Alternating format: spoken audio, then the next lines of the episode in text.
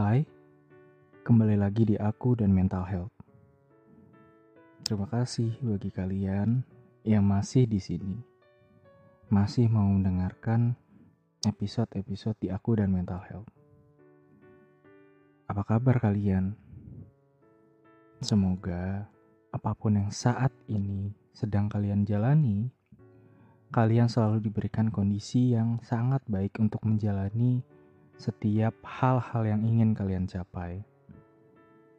Dan kalau ada di antara kamu semua yang saat ini sedang merasa tidak baik-baik saja, aku harap kondisi kalian cepat menjadi baik-baik saja. Kalau bisa, cepat berproses ke dalam kondisi yang sebaik-baiknya yang ingin kalian miliki saat ini. Sekarang, aku mau bahas sebuah hal yang jadi salah satu hal yang aku pelajari dalam hidup gitu. Ini adalah hal yang sulit.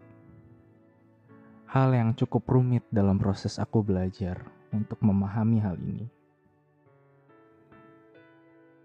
Pasti kalian atau kamu kamu semua setuju bahwa hal yang salah satu hal yang paling sulit untuk dilakukan terkadang adalah memaafkan.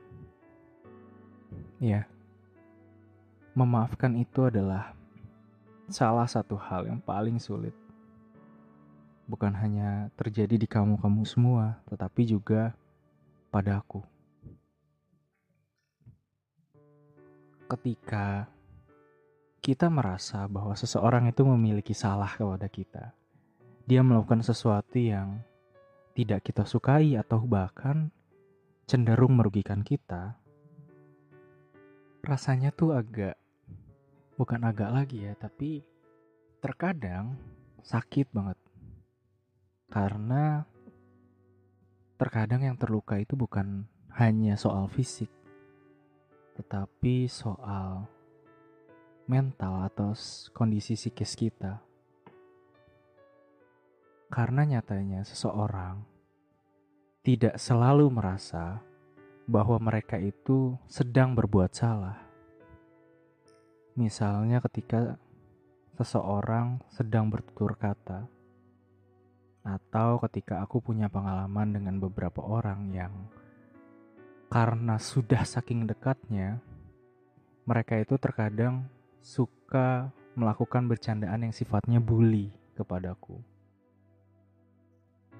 Mungkin tidak semua hal membuat aku sakit hati, tapi ada satu atau dua hal yang menurutku mereka itu sudah terlalu kelewat batas gitu. Di mana aku ngerasa harusnya hal itu kan gak jadi bercandaan.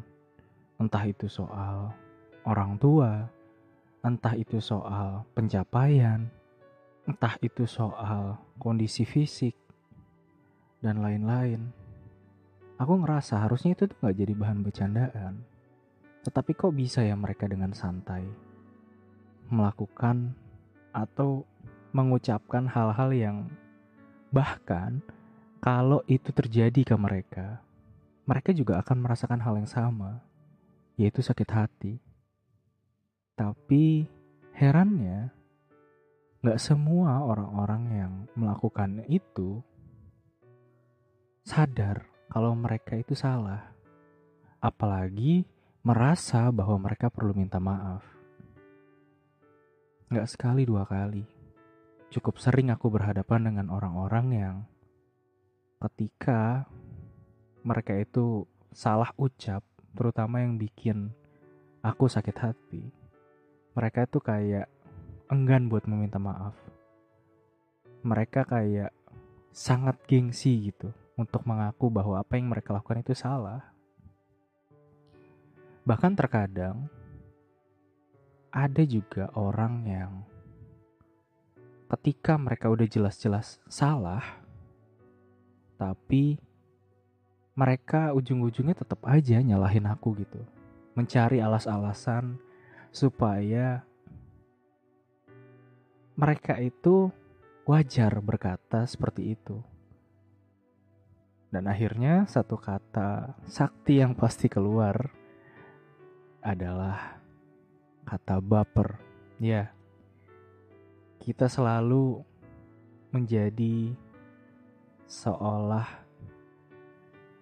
seseorang yang terluka, tapi kitalah orang jahatnya.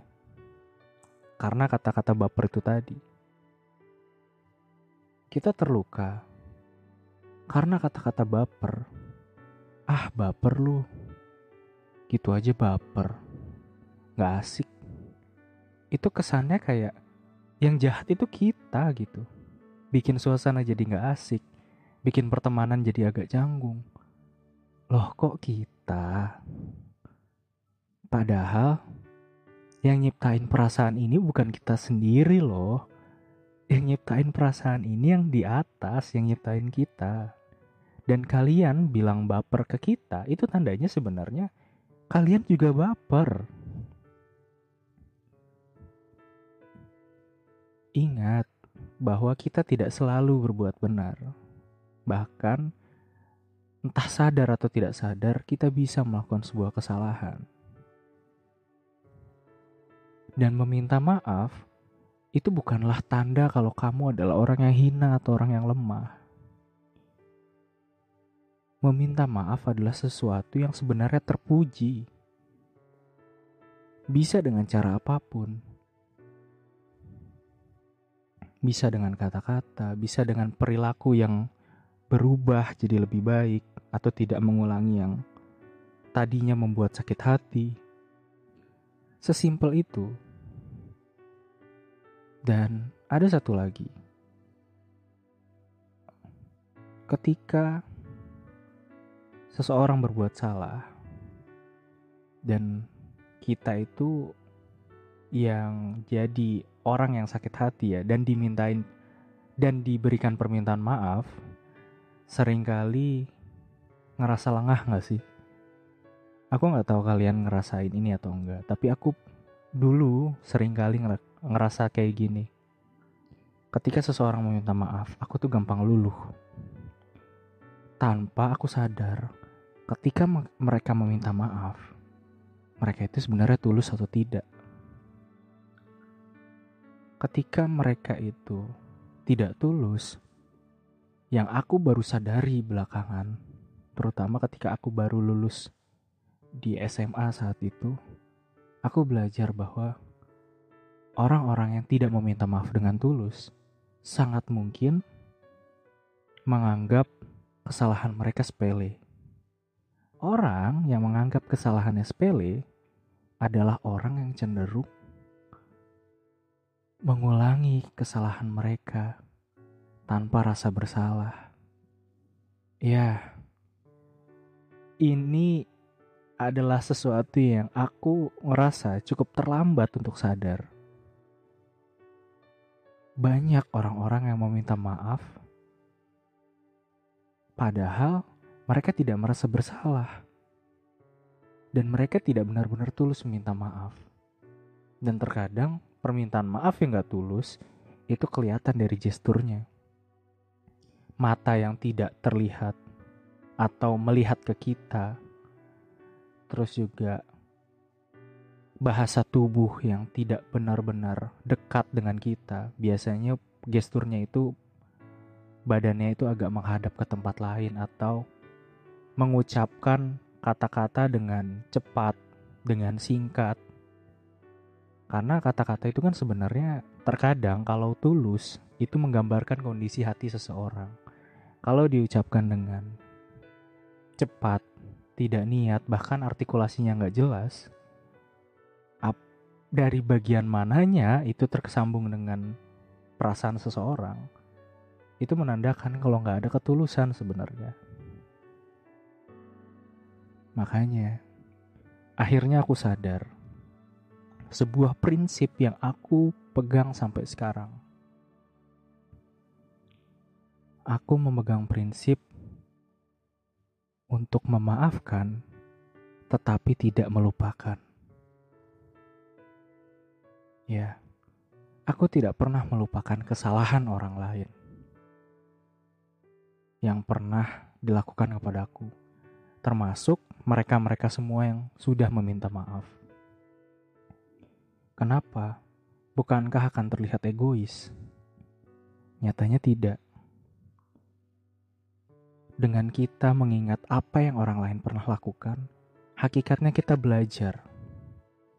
Untuk apa?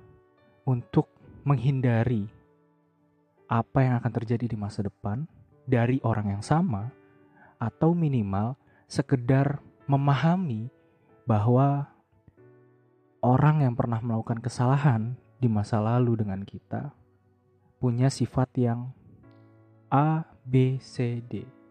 Mengetahui sifat orang lain adalah cara terbaik kita untuk berinteraksi tanpa pernah dirugikan. Ya, bukan berarti mengingat setiap perlakuan seseorang kepada kita adalah selalu harus membuat kita mengungkit-ungkit itu ketika kita suatu saat ada konflik sama mereka. Menurutku, seseorang yang punya kesalahan dan kita udah gak pernah ngeliat kesalahan itu lagi hakikatnya sebenarnya kita harus dengan besar hati merasa bahwa orang itu sudah berubah. Terkecuali orang itu masih suka melakukan kesalahan yang sama.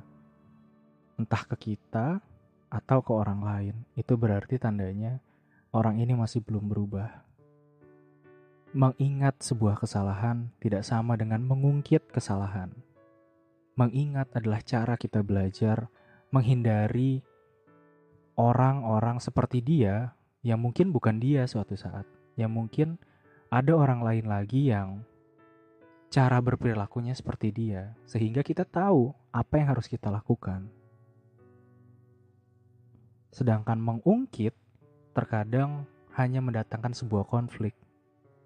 Kalau buat aku pribadi, aku sangat tidak menyarankan konflik kepada orang yang pertama tidak open minded dan yang kedua orang yang keras kepala.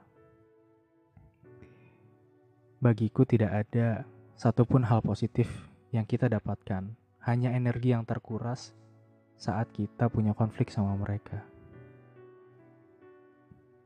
Memaafkan tetapi bukan melupakan.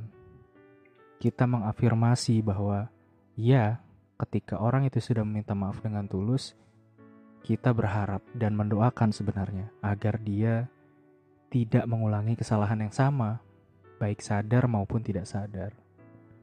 Tetapi dengan mengingat apa yang pernah ia lakukan, akan membuat kita suatu saat selamat dari ujian yang sama di orang yang berbeda. Terima kasih sudah mendengarkan. Bye.